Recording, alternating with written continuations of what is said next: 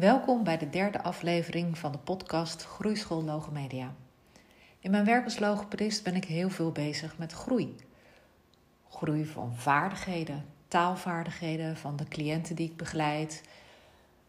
Uh, groei in zelfvertrouwen, omdat dat volgens mij altijd uh, eigenlijk nooit losgezien kan worden van elkaar.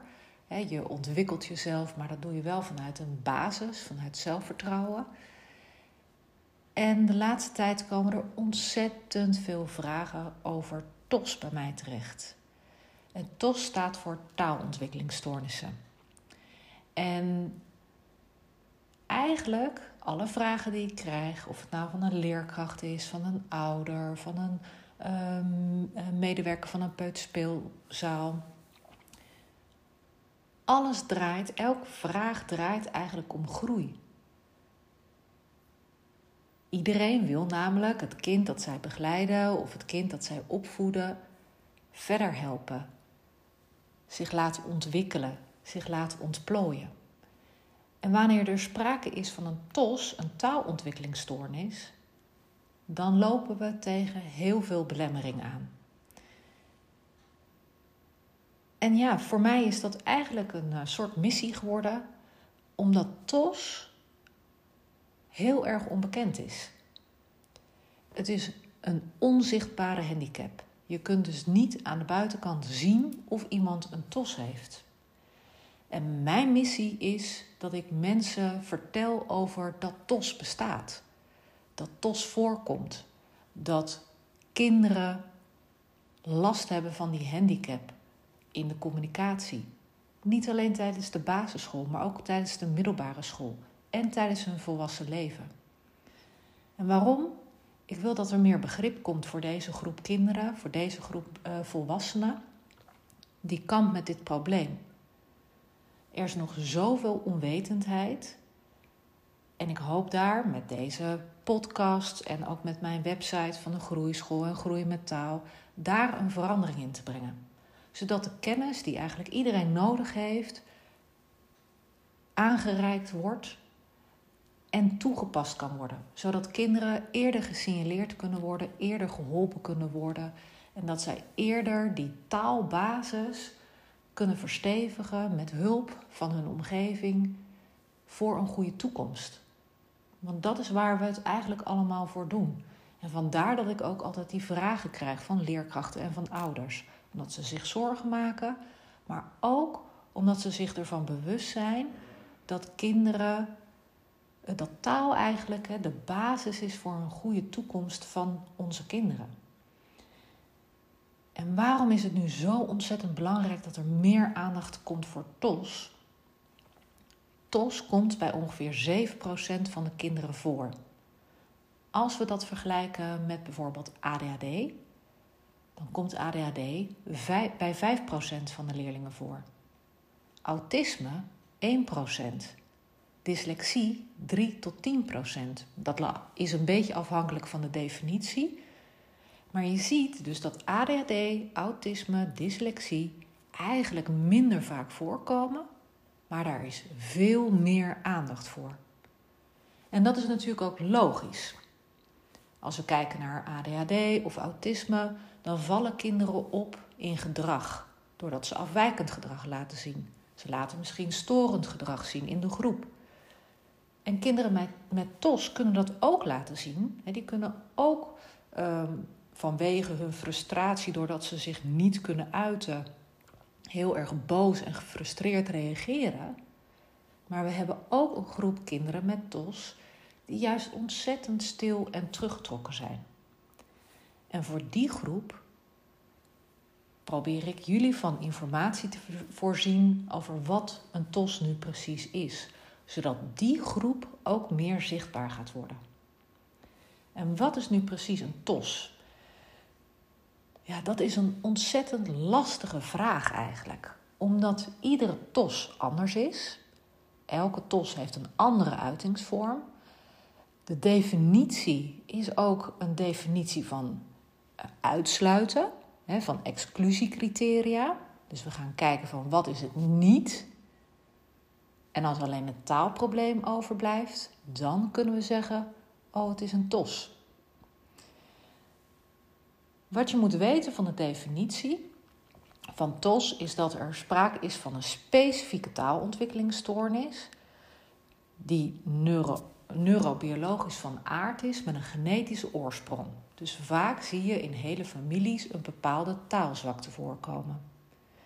Je ziet dat um, taalbegrip aangedaan is, dus kinderen hebben moeite met het begrijpen van mondelinge informatie, maar ze kunnen ook moeite hebben met het zelf vertellen. Zelfwoorden gebruiken, zelfzinnen gebruiken. En dan hebben we het dus over de taalproductie. En je ziet dat het eigenlijk in alle aspecten van de taal terugkomt. Dus het kan op klankniveau zijn, dat kinderen moeite hebben met klanken. Kan dus zijn op woordniveau, dus dat ze onvoldoende woorden kennen. Het kan zijn dat ze moeite hebben met het vervoegen van woorden. En dan moet je denken aan de meervoudsvormen: eend, eenden, auto, auto's. Het kan ook zijn dat de zinsbouw erg lastig is voor hen. Dus dat zij moeite hebben met het maken van zinnen. Dat ze woorden vergeten, dat ze zinsdelen vergeten of dat ze zinsdelen door elkaar husselen. Maar ook de pragmatiek kan aangedaan zijn. En dat is eigenlijk hoe je met elkaar communiceert. Dat je weet dat er sprake is van beurtwisseling. Dus de een praat en jij luistert. En vervolgens mag jij iets zeggen. Daar hebben kinderen met TOS kunnen daar ook veel moeite mee hebben. Dus TOS is echt een taalprobleem. En het is een specifieke, een specifiek probleem. Dus het staat op zichzelf. Er is dus geen duidelijke verklaring voor. En daarom vergelijk ik ook altijd uh, TOS met een ui. Je gaat een ui afpellen. Dus je gaat bekijken, is er sprake van een gehoorverlies? Nee, oké, dan hebben we dat uitgesloten. Is er sprake van een verminderde intelligentie? Nee, kind heeft gewoon een gemiddelde intelligentie. Oké, die laag pellen we er ook af. Zijn er geen afwijkingen in de spraakorganen? Nee, er zijn geen duidelijke neurologische afwijkingen. Nee. Geen contactstoornis. Nee. Kinderen hebben genoeg uh, taalaanbod gehad. Ja, zeker. En toch blijft die taal moeilijk. Die taal blijft moeilijk voor deze kinderen om te begrijpen, om zelf te gebruiken. dan kom je eigenlijk tot de kern dat alleen dat taalprobleem overblijft. En dan kun je dus spreken van een TOS. En dat maakt het dus gelijk ook ontzettend lastig om een TOS te diagnosticeren. Want je moet eerst gaan uitsluiten wat het allemaal niet is, voordat je bij de kern komt en dat is het taalprobleem. En dat taalprobleem moet hardnekkig zijn. dus er is bijvoorbeeld al uh, uh, extra aandacht aan besteed aan die taal.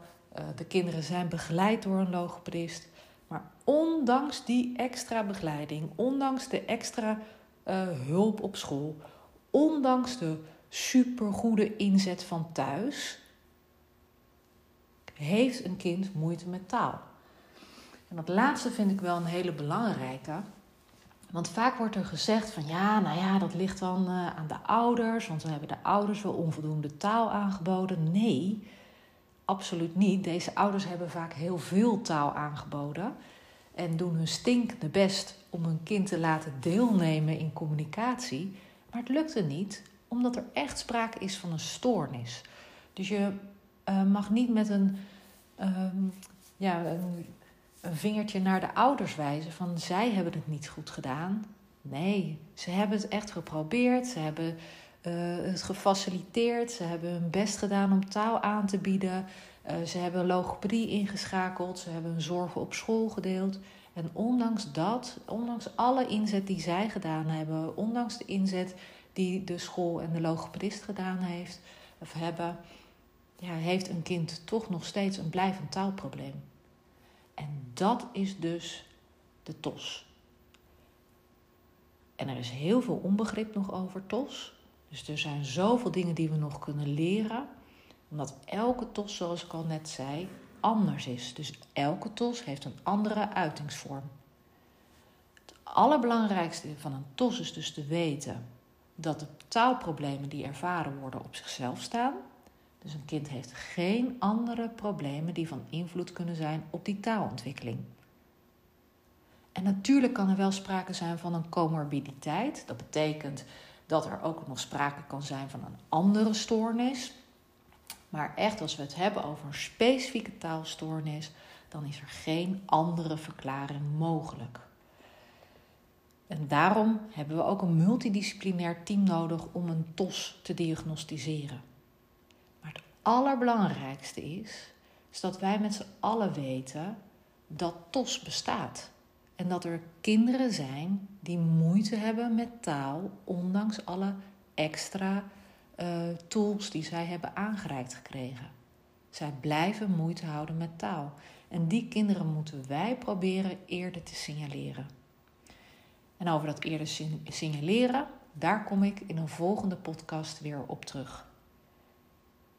Ik wens je een hele mooie dag.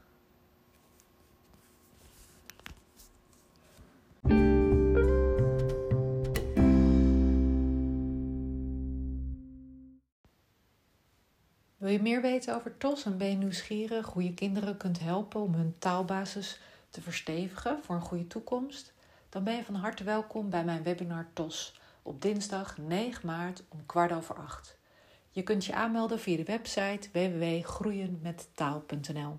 Ik hoop je dan te zien. Doeg!